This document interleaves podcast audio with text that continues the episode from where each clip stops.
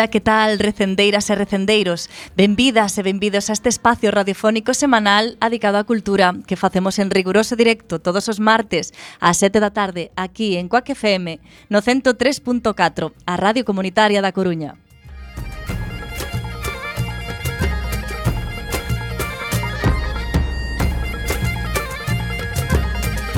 A Asociación Cultural Alexandre Bóveda presenta este programa que podedes escoitar en directo a través da internet na páxina da emisora quackfm.org barra directo e tamén na aplicación móvil.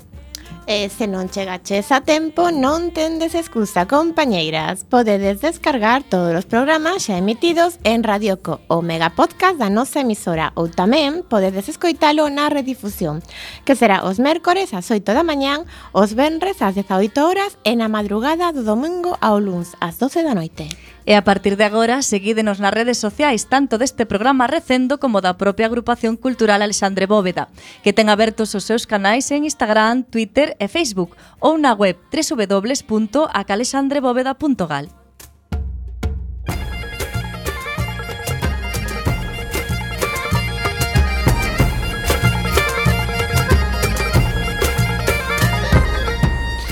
E xa sen máis, imos caraló na procura desta fantástica aventura cultural con Roberto Catoira no control técnico e falándolles coa Almanteira, Marta López, Gema Millán e Miguel Anxo Facal.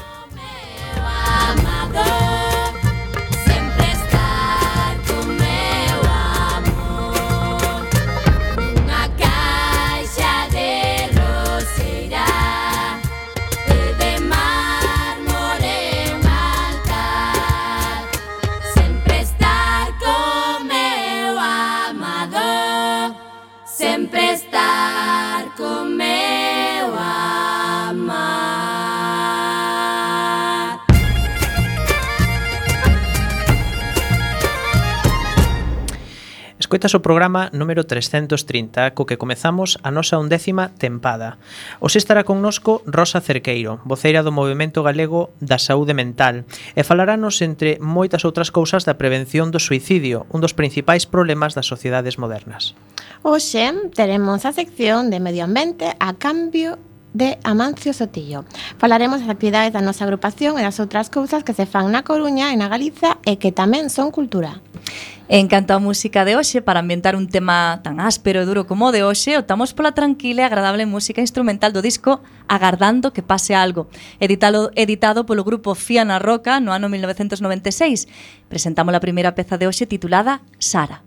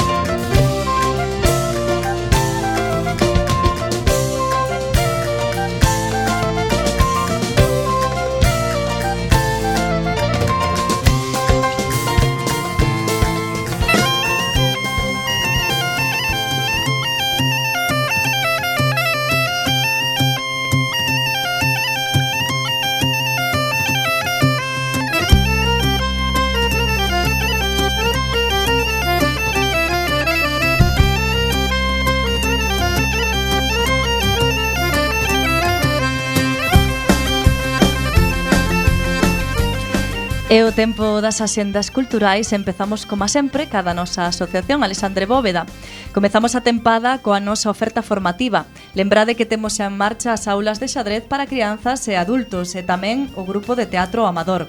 E tamén as aulas de guitarra con Brais Morán que comenzaron hoxe, 1 de outubro E que son os martes ás 4 da tarde. Por segundo ano consecutivo teremos os dous clubes de lectura. Son quincenais os mércores de 18 a 19.30 horas. Por unha banda, temos o Clube de Literatura Universal coordinado por Xoan Costa, que comeza o mércores 2 de outubro. E por outra banda, temos o Clube de Lecturas Feministas coordinado por Cristina Bajo, que comeza o mércores 9 de outubro. O mércores 2, Carlos Babío e Manuel Pérez Lorenzo, autores de Meirás, Un pazo, un caudillo, un espolio, ofrecen unha palestra sobre o estado actual da cuestión da recuperación do pazo de Meirás. Será ás 8 no noso local.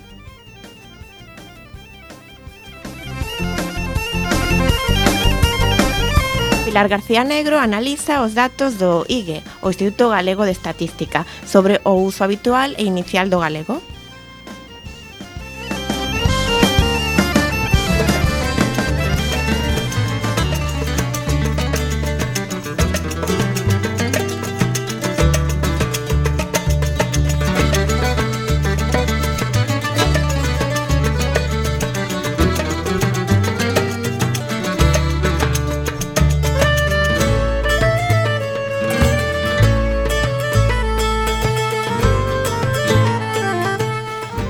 Imos agora ca Xenda da Coruña o eido audiovisual. No Cegai comezaron un, comenzaron un interesante ciclo, ciclo sobre Alfred Hitchcock.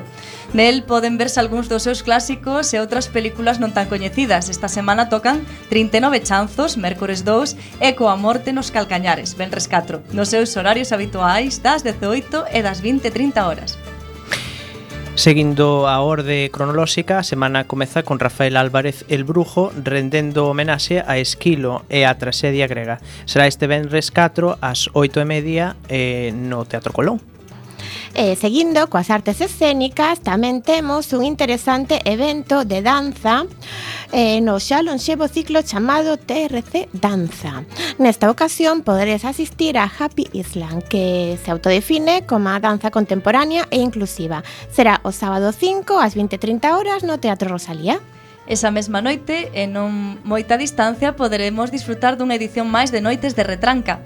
As ternas de monologuistas galegos que nesta ocasión formarán David Perdomo, Dani Boi Rivera e Manuel Manquiña. Será tamén o sábado 5 ás 20.30 horas no Teatro Colón.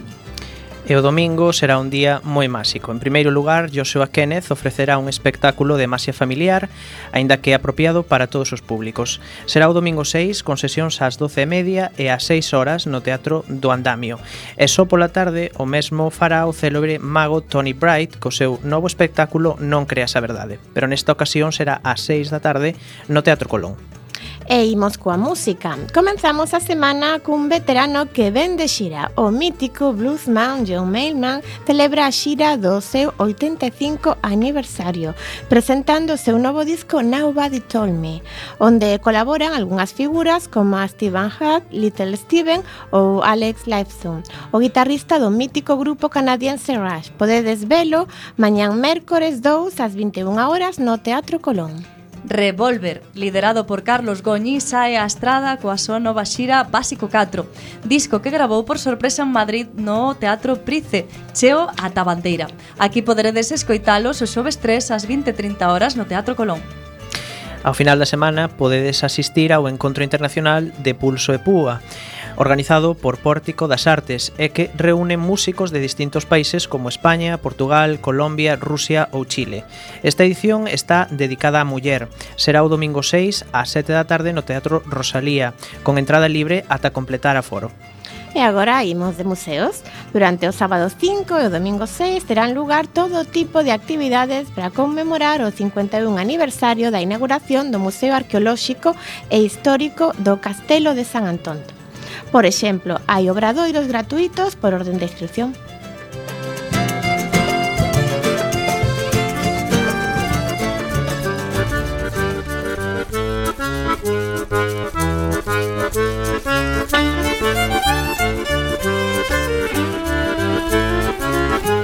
Imos agora ca Xenda de Galiza. Empezamos por Lugo retomamos a xenda galega falando dun fenómeno dos últimos anos na música galega. SES volta cun novo traballo, readmirando a condición, no que fai unha revisión do seu disco de debut o que desta volta a, canta, a cantora lle dá unha sonoridade máis sesiana. Nesta ocasión, a diferencia do primeiro disco, ela mesma encárgase do 100% de voltar a gravar, a producir e a arranxar todos os temas que sonan agora, en moitos casos, totalmente diferentes. Visita a Praza Horta do Seminario en Ramón Ferreiro este venres ás 8 da tarde. Ourense. Tirando máis para rock, Underground, Calavento tocan o sábado. Son intensos, con letras brillantes e un pulso dramático importante, sensibilidade e enerxía juvenil. O seu gran traballo coas frecuencias graves fai que non se bote en falta o baixo. Riqueza de detalles, espontaneidade e capacidade expresiva no Café Cultural El Pueblo na Rúa Hernán Cortés 26 ás 9 e media deste próximo día 5 e pegamos un chimpo ata Pontevedra. Growing Young é unha homenaxe ao espírito que move a alma de Dapsat, en crecemento constante, sen perder a enerxía, a curiosidade, a inocencia e a desenvoltura da xuventude, conectados a un grupo en constante cambio e cunha identidade permanente. É unha aperta cariñosa para os coreógrafos e bailaríns que forman parte deste espectáculo que podedes ver no Pazo da Cultura o Benres 4 ás 21 horas.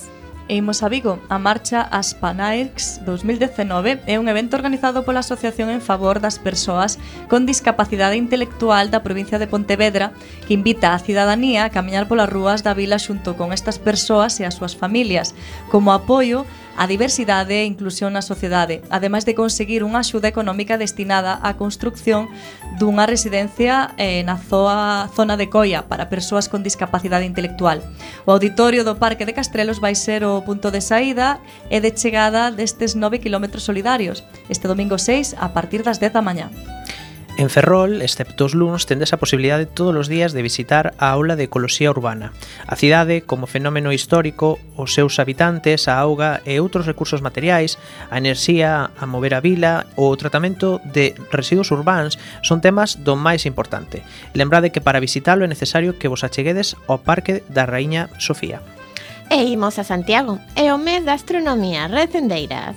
Así é que a Biblioteca Pública Ángel Casal, en colaboración co Observatorio Astronómico Ramón María Ayer da Universidade, acolle un ciclo de actividades deste eido no marco de O Camiño das Estrelas. As Estrelas do Camiño, dentro da programación de O Teu Xacobeo. O próximo luns celebranse un taller infantil para a rapazada de entre 11 e 14 anos no Salón de Actos, de 7 a 8, cun máximo de 30 participantes. Logo, a partir das 20.15, tendes unha actividade de observación a través do telescopio no exterior da biblioteca, para un máximo de 50 almas. Para ambas actividades é preciso inscribirse.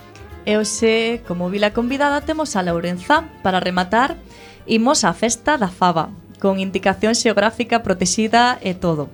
Cultívanse aquí as variedades galaica e do marisco. Este encontro reúne a produtores, compradores, tratantes e consumidores. Entre o Benres e o Domingo, os faveiros sitúan as súas casetas rústicas preto do Monasterio de San Salvador e os artesáns e distintas entidades ocupan a zona do claustro. As degustacións van acompañadas de eventos lúdicos e culturais, entre os que ten especial relevancia o concurso de fotografía. E conta con atraccións destinadas ao público infantil. Non fagades como o vello do conto, que comeu un kilo de favas na cea e non parou de peitear toda a noite.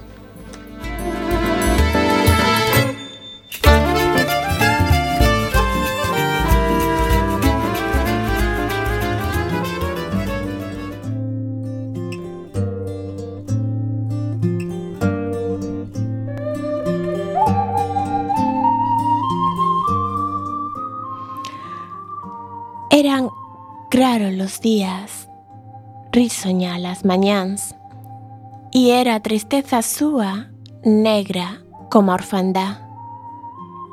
Iñase amañecida, tornaba coa serán, mais que fora ou viñera, ninguén yo ia esculcar. Tomou un día leve camiño do areal. Como naide esperaba, ela non tornou máis.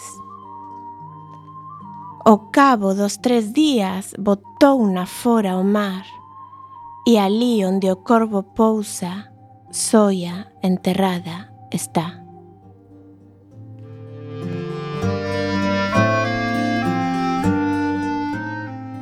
Acabades de escoitar o poema Soia, escrito por Rosalía de Castro extraído do seu poemario de Follas Novas, publicado no ano 1880.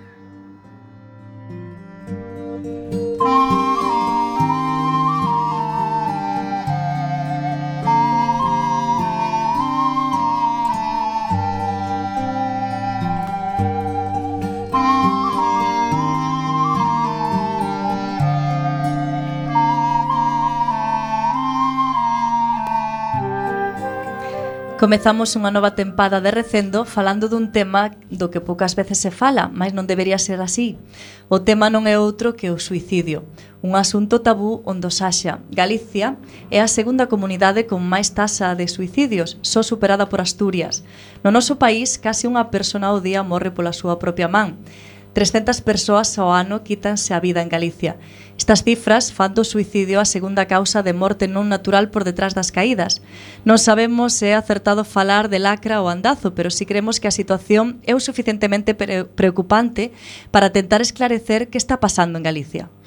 Nesta tarefa contamos cun convidado do máis acertado. Hoxe temos connosco ao Movimento Galego da Saúde Mental, cos que indagaremos como podemos axudar e evitar suicidios se hai un repunte no seu número e por que é un tema do que falamos tan pouco e porén causa tanta dor. O Movimento Galego da Saúde Mental nace no 2014 coa motivación de protexer a saúde mental e contra o deterioro da súa eh, asistencia pública. Denuncian a inanición dos Sergas á hora de crear un proxecto público para cuidar da saúde mental, así como unha quita progresiva nos recursos destinados á atención sanitaria tanto mental como de calquera outro ámbito. O Movimento Galego da Saúde Mental é unha organización cívica cuxo manifesto asinaron máis de 400 persoas e organizacións. Segundo o movimento, a situación en Galicia é moito peor que no resto do Estado español, situación que se ven agravando coa crise económica e a presión que esta exerce sobre as persoas, así como polas decisións tomadas dende a Xunta de Galicia e a súa política de austeridade en política sanitaria. En representación do Movimento Galego da Saúde Mental, eh, para falarnos do suicidio e outras cuestións temos hoxe connosco a Rosa Cerqueiro. Moi boa tarde, Rosa. Boas tardes, gracias por convidarnos. Gracias a ti por vires. Para comenzar, mmm, imos comenzar falando de cifras, porque parece ser que é o máis alarmante. As cifras de suicidio en Galicia son tan alarmantes como semellan sobre o papel. Sí, en realidad hai que decir antes de nada que, que é un problema de saúde pública a nivel global. A Organización Mundial da Saúde advertiu xa fai anos que había un aumento sostido no número de falecementos por suicidio. Entón, en todo o mundo. Eh, Galicia está a cabeza, por, desafortunadamente, xunto con Asturias e eh, con respecto ao resto de, de España. Sí, eh, son cifras, sempre son altas, hai que decilo, pero nos últimos anos eh, o número de suicidios aumentou. Claro, chegados a este punto nos, nos mm, preguntamos algunha posible explicación de por que Galicia dentro de España ou se España considerados uns dos países con maior calidade de vida porque España dentro do seu, da súa contorna podes explicar algúns datos desto? De Eh, o suicidio eh, ten unha causa multifactorial, co cual eh, non se pode eh, non se pode parar en explicacións simplistas ou, ou únicas, non, non hai unha soa causa. Eh, Polo tanto, é moi difícil eh, coñecer máis a miúdo eh, porque Galicia, con respecto a España, eh, ten máis eh, mortes por, por suicidio. Esta é unha das cuestións que, que insistimos dende Fallano dende o Movimento Galego da Saúde Mental e é que necesitamos máis datos dentro do local. Eh, é algo que pedíamos dende 2016, concreta, bueno, dende antes, en 2016 iniciamos unha campaña para que se creara o Plan Galego de Prevención de Suicidio entre en que entre outras cuestións decíamos que había que facer estudos epidemiolóxicos para saber as causas en Galicia de por que eh, habían aumentado o número de suicidios. E eses estudios existen, estamos á espera deles, como, como estamos nese ámbito? Estamos á espera deles, de feito faen datas recentes eh, a Consellería de Sanidade pois comenta que sí, que van a empezar, que van a iniciar xunto coa Universidade un estudio epidemiolóxico. Entón, ata agora, o que se sabe é pois, o número de persoas que falecen cada ano por suicidio, eh, o xénero, se home muller, en que localidade sucede, pero non sabemos máis datos, máis concretos que permitan poñer en marcha Eh, medidas para, para previr e para reducir eh, o número de mortes por suicidio. É moi importante. Entón, quen está a fallar? As institucións ou a sociedade? bueno, as institucións eh, son a representación da sociedade, non? Non podemos decir unha cousa ou outra. De feito, bueno, pois pues, estamos un estado, eh, como de Constitución, un estado social, de protección social. Son as institucións as que, como representantes da sociedade, teñen que poñer en marcha as políticas de saúde, as políticas educativas, de protección social, pois para chegar a que a sociedade en xeral pois teña manteña unhas unhas cifras, uns niveis de benestar suficientes. Uh -huh. En xeral, cal é o estado da saúde mental en Galicia? Pois non gozamos de boa saúde, uh -huh. hai que hai que decir. Eh, nos últimos anos tamén, tamén a nivel xeral, a nivel global, a nivel mundial, pero tamén concretamente aquí en Galicia, eh, o número de problemas de saúde mental eh, aumentaron significativamente. De novo, Galicia está por riba con respecto da media estatal. Uh -huh.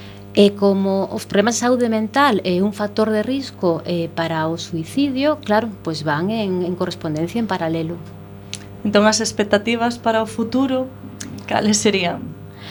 As expectativas para o futuro, eh, si que se si non se poñen eh, políticas eh, firmes, coordinadas, sistemáticas de reducción do, do número de, de suicidios, eh, do número tamén de problemas de saúde mental, eh, pois estaremos en nunha situación que aumentará ou diminuirá, pois segundo tamén os factores socioeconómicos.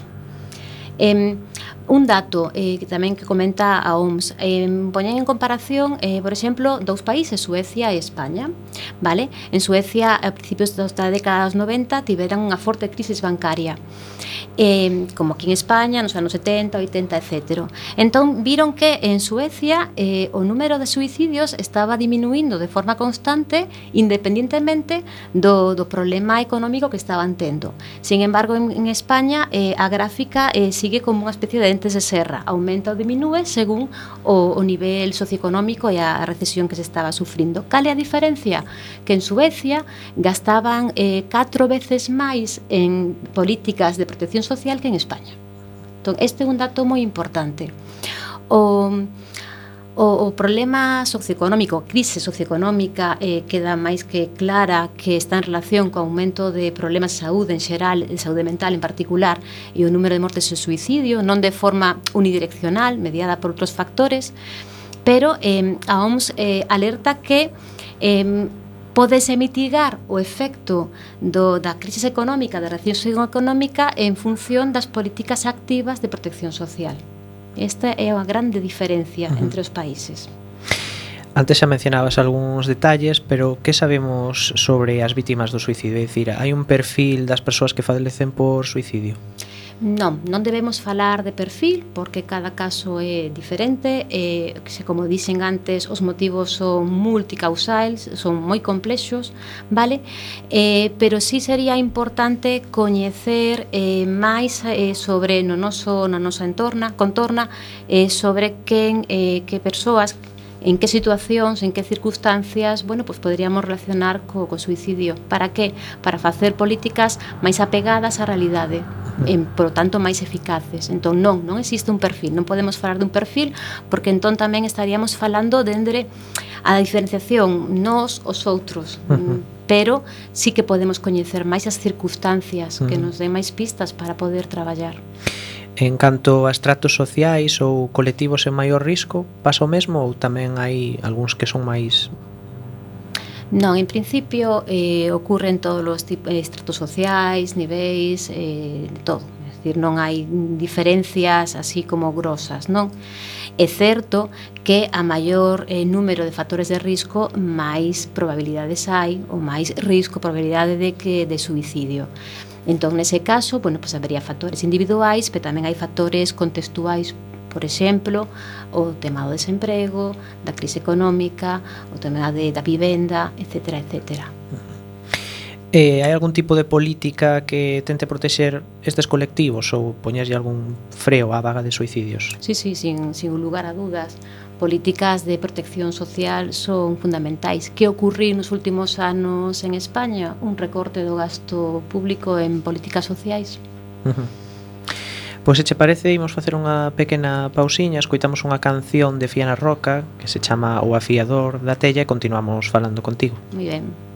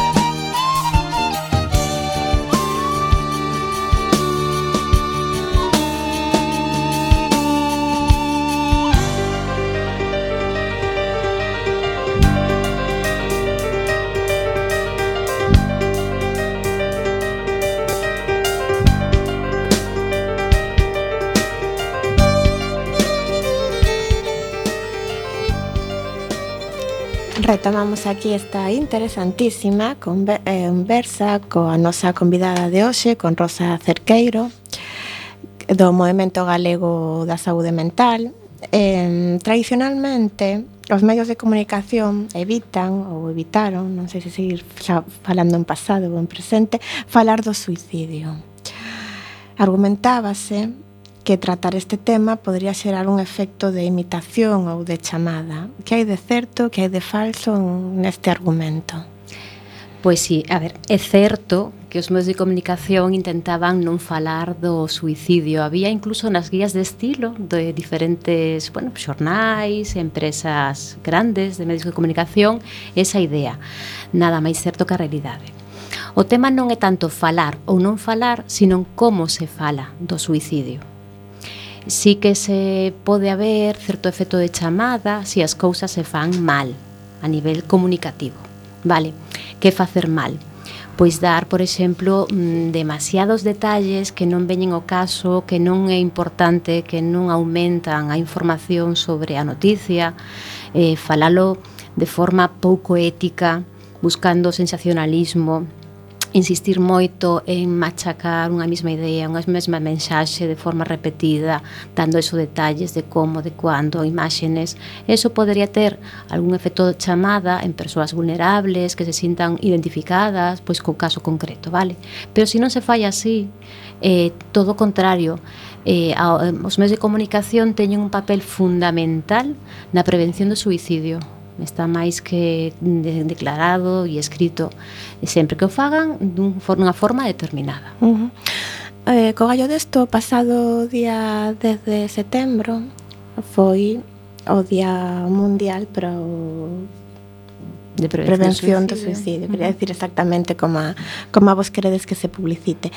E claro, saíron bastantes noticias nos, nos más medias sobre sobre isto. Unha das que me chamou poderosamente a atención, que quería comentar contigo, foi que a Organización Mundial da Saúde fixera unha recomendación á industria cinematográfica, isto eh, en concreto era a industria hollywoodiense, para que, por favor, tentaran no nos, no que fose posible, non erotoizar a idea do suicidio. Decir que cando se tratase este tema nos seus argumentos, no seu guión, pois que esa tipo de conductas non mm, fosen tan romantizadas. romantizadas.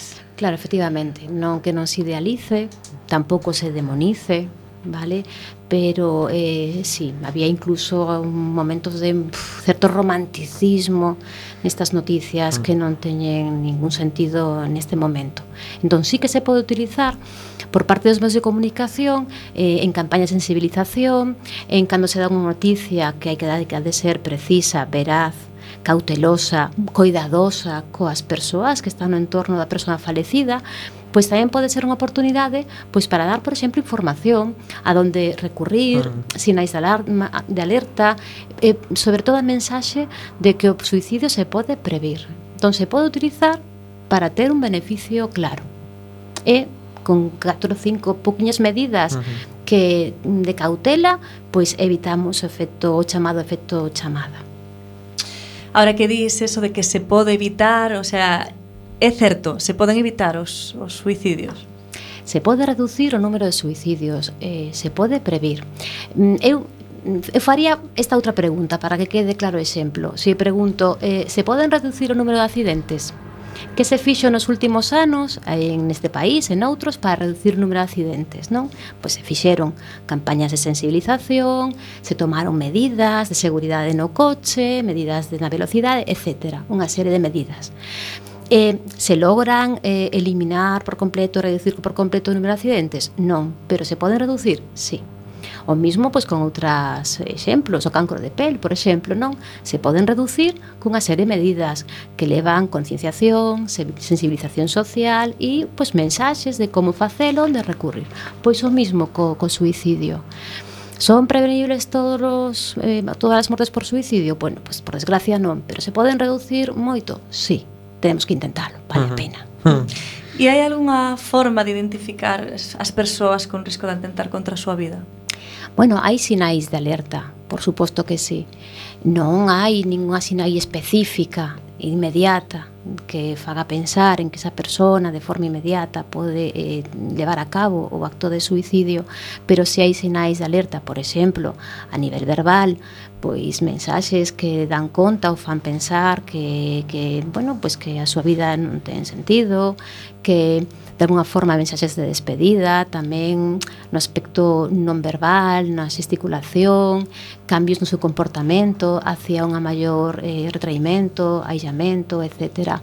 Entón, son sinais en que en calquera caso falan de que a persoa pois, está pasando por unha situación de sufrimento. É hmm, como se consigue non? que unha persoa desista de quitarse a vida?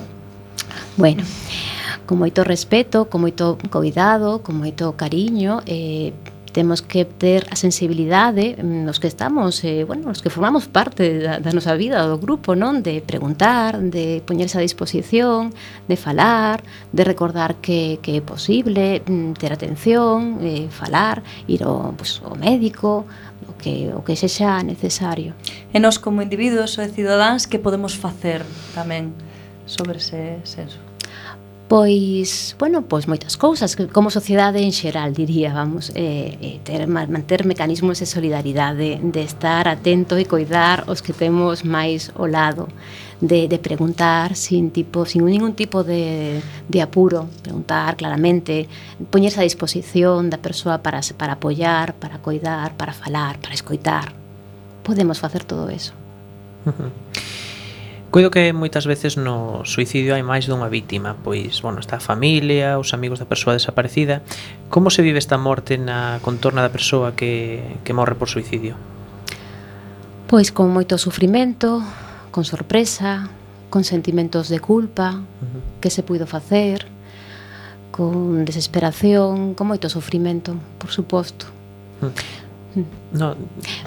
Que estaba pensando, pues familiares, amistades, eh, persoas tamén do, da vecinanza, ah. eh, compañeiros da escola, do traballo, decir, o, o, o entorno que, que, que rodea é moi amplo, porque mm. todos nos sentimos de unha forma, bueno, pues compelidos e entristecidos por elo. Mm. Estas persoas tamén necesitan axuda, non? Reciben moitas veces esta axuda necesaria para superar este trance. Sí, como non poden recibila, por suposto, eh, temos no sistema sanitario, sistema público, eh, pois eh, tanto en atención primaria, primeiro eixe do sistema, como especializada de saúde mental, temos a posibilidade de recibir asistencia. Outra cousa é como está o sistema público de saúde, o número de profesionais, de recursos, que, bueno, para dar unha atención en condicións. Ese é o maior problema que temos agora, un dos maiores. O suceso collen por sorpresa en moitos casos. Existe a sensación de que se vía vir ou non a sorpresa? Home, eu creo que se colle sempre con, con sorpresa, non? Po tempo, empezas a pensar, darlle voltas e buscar eh, sinais que non se viron nese momento, Si que hai sinais tamén, pero claro, inespecíficos, non? É un como o normal é pensar como podo pensar, como eu pensaría que isto pudera ocurrir, non? Entón, sí, sorpresa, sobre todo culpa. Bueno. A culpa irracional. Sí. Chegados a este punto, imos facer outra pausiña. Neste caso, para escoitar a sección de Medio Ambiente con noso ben querido compañeiro Amancio. E antes de saludar a Amancio, imos gozar coa súa sintonía alcanzar la profecía. Cando chego día no que non poides respirar no medio ambiente acordaraste Desta profecía cando chego día no que non poidas comer comida de verdade acordaraste Desta profecía cando chego día no que non poidas beber auga potable acordaraste Desta profecía cando chego día no que te desconta Será tarde. Cando chego día suave era cinza Demasiado tarde meu irmán Ola Mancio, boa tarde. Ola, moi boa tarde e moitos parabéns por unha nova tempada no vosso programa. Pois ti estás incluído nestes parabéns porque eres dos máis veteranos, dos nosos pois, correspondentes. Pois estamos incluídos entonces, dome por incluído. Claro que sí. Bueno, dime, dime. Dime, ti que nos contas? O, eh, bueno, tes, tes pues... a pois. honra de estrenar a tempada recendeira sí, para falar sí, de medio ambiente. Sí a falar de medio ambiente, que como ben vemos estes días, pois está a cousa a tope, unha movilización maravillosa como foi o Benres polo tema da emerxencia climática e a ver se si seguimos un pouco nese camiño e imos collendo conciencia do que hai. E despois eu antes de que me esqueza quería comunicar dúas dous actos para seguir con isto de, de cuidar o noso planeta e cuidar o noso medio ambiente E serían dous actos que hai o este sábado coincide, un é ás 12 na Casa das Palmeiras en Cambre que vai haber unha movilización polo tema da vía ártabra, dos afectados pola vía ártabra en, en Cambre, que é un tema que andamos aí seguindo claramente porque, bueno, o proxecto que se presenta e que queren realizar eh, incide de maneira moi negativa na zona da Humeral da, da Gándara, con un soterramento e entubamento de máis de 150 200 metros do río Gándara, co cal, pois, bueno, é un grave presuizo para todo o humedal, non? Entón será ás 12 na Casa das Palmeiras, en Cambre. Moi ben. E, e a unha, eh, unha iniciativa, pois, máis ou menos dunha persoa, pois, vaise facer unha movilización pola para para protestar unha vez máis, para poñer en, en riba da mesa unha vez máis o tema do, do dragado e regeneración da Ría do Burgo. Isto será unha e será ali na zona da Lagoa en Fonteculler. Entonces, pois pues bueno, dada a gran sensibilidade que hai estes días polo tema do medio ambiente, como isto é unha loita de 365 días ao ano, pois a ver se si seguimos e, e, e convocar. E nada, como último, por así decirlo, pois decir que este domingo pasado fixose a xornada de voluntariado de limpeza de ríos do Proxecto Ríos do Cadega coordina aquí no noso país que estuveron máis de 150 grupos en todos os ríos do país recollendo lixo e sirve pois un pouco para concienciar do que do que producimos e, e malgastamos, non? Que xa estamos, pois, o que comentaba anteriormente, de, en, en grau xa de tentativa de emerxencia climática, porque este planeta non dá, non dá para máis caprichos, entre comillas, deste primeiro mundo. Pois moi agradecidos. E é o que hai, é o que hai de momento. Moi ben, pois moi agradecidos por todo o que nos conta sempre tan interesante, Amancio pois nada, convidarvos a, a darlle publicidade e, e xa sabedes. Iremos contando pola radio por esa emisora, polo vosso programa, o que as novedades de medio ambiente. Claro que sí, aquí te esperamos cos micros abertos, xa sabes. Moi ben, pois moitas graciñas. Unha aperta. Igualmente para todos vos, grazas. Grazas a ti.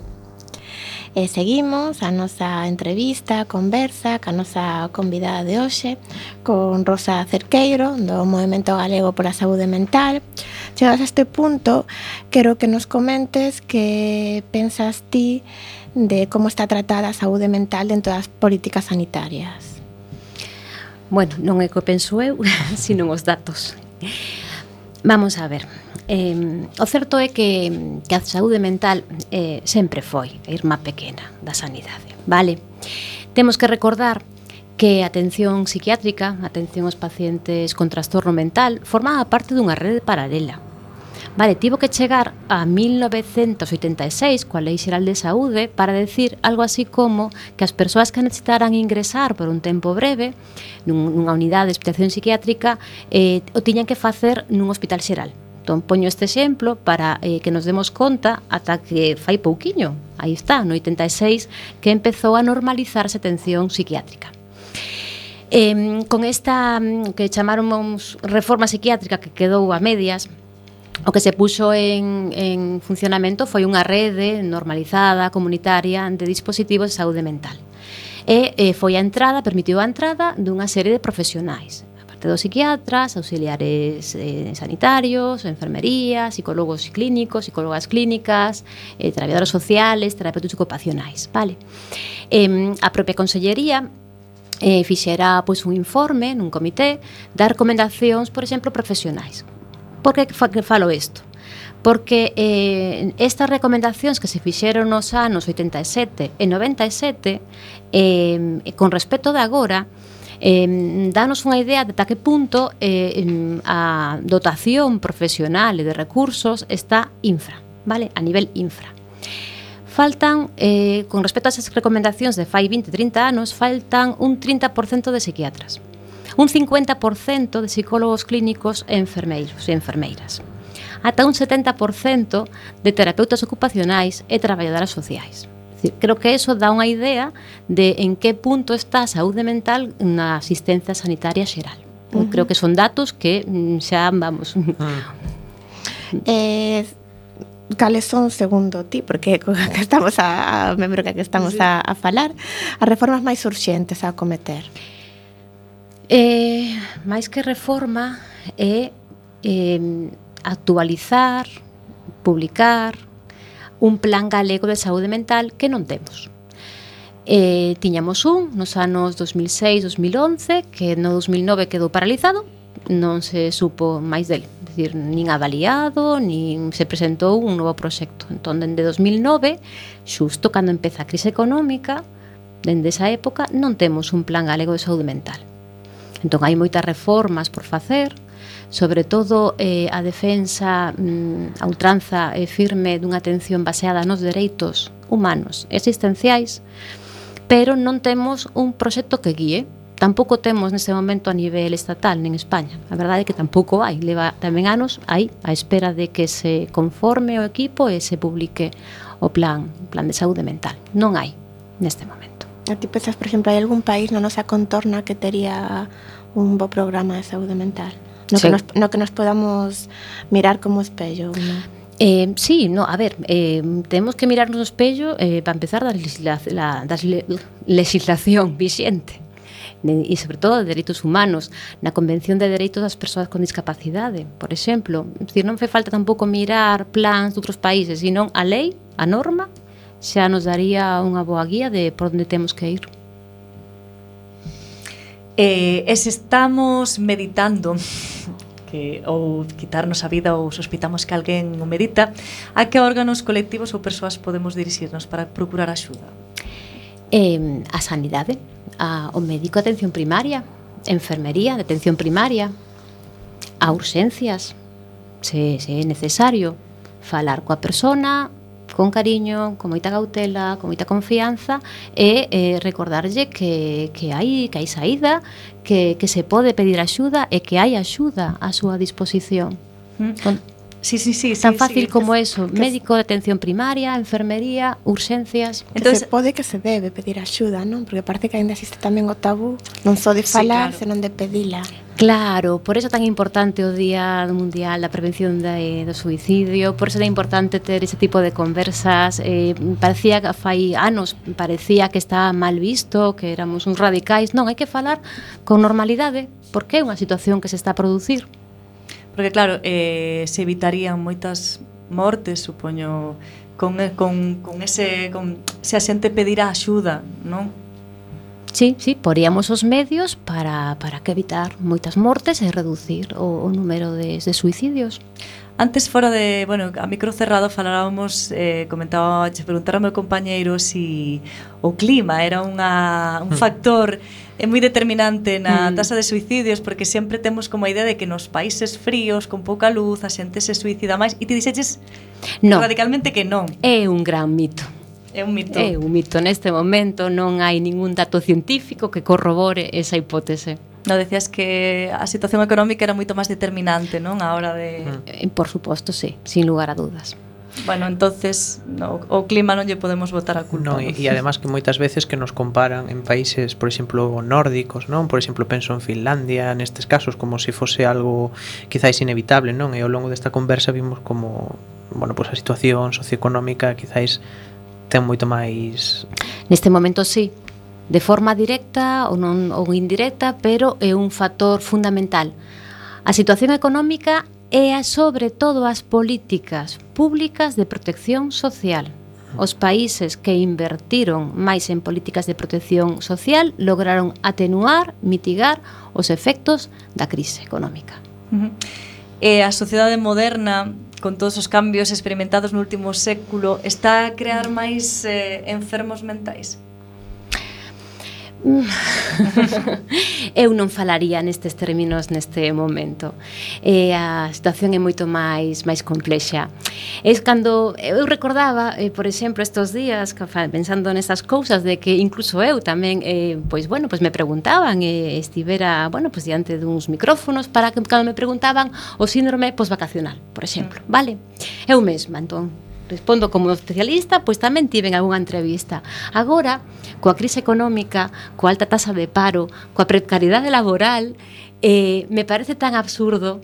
Eh, entón, eh, deixemos, claro, outra, esos temas de si a sociedade, sociedade líquida, para outros momentos. Hai, hai factores moito máis graves, máis serios, eh, económicos, eh, a precariedade, a exclusión social, decir, que pode estar explicando eh, esta, esta situación de aumento de mortes por suicidio. Non falamos do sufrimento, do aislamento, da soidade. Non?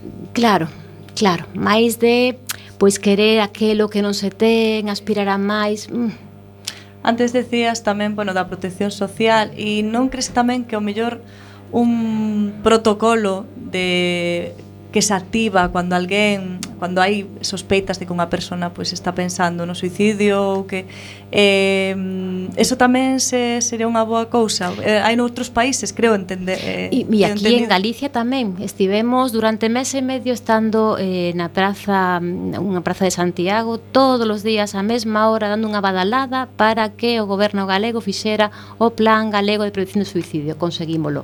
Hai que poñelo en marcha dunha forma coordinada existir existe. Xa, ahora solo, Faltan medios. Solo hai, claro, os medios é o de sempre, os recortes e invertir os cartos en claro, en donde corresponde. Mm. Exactamente.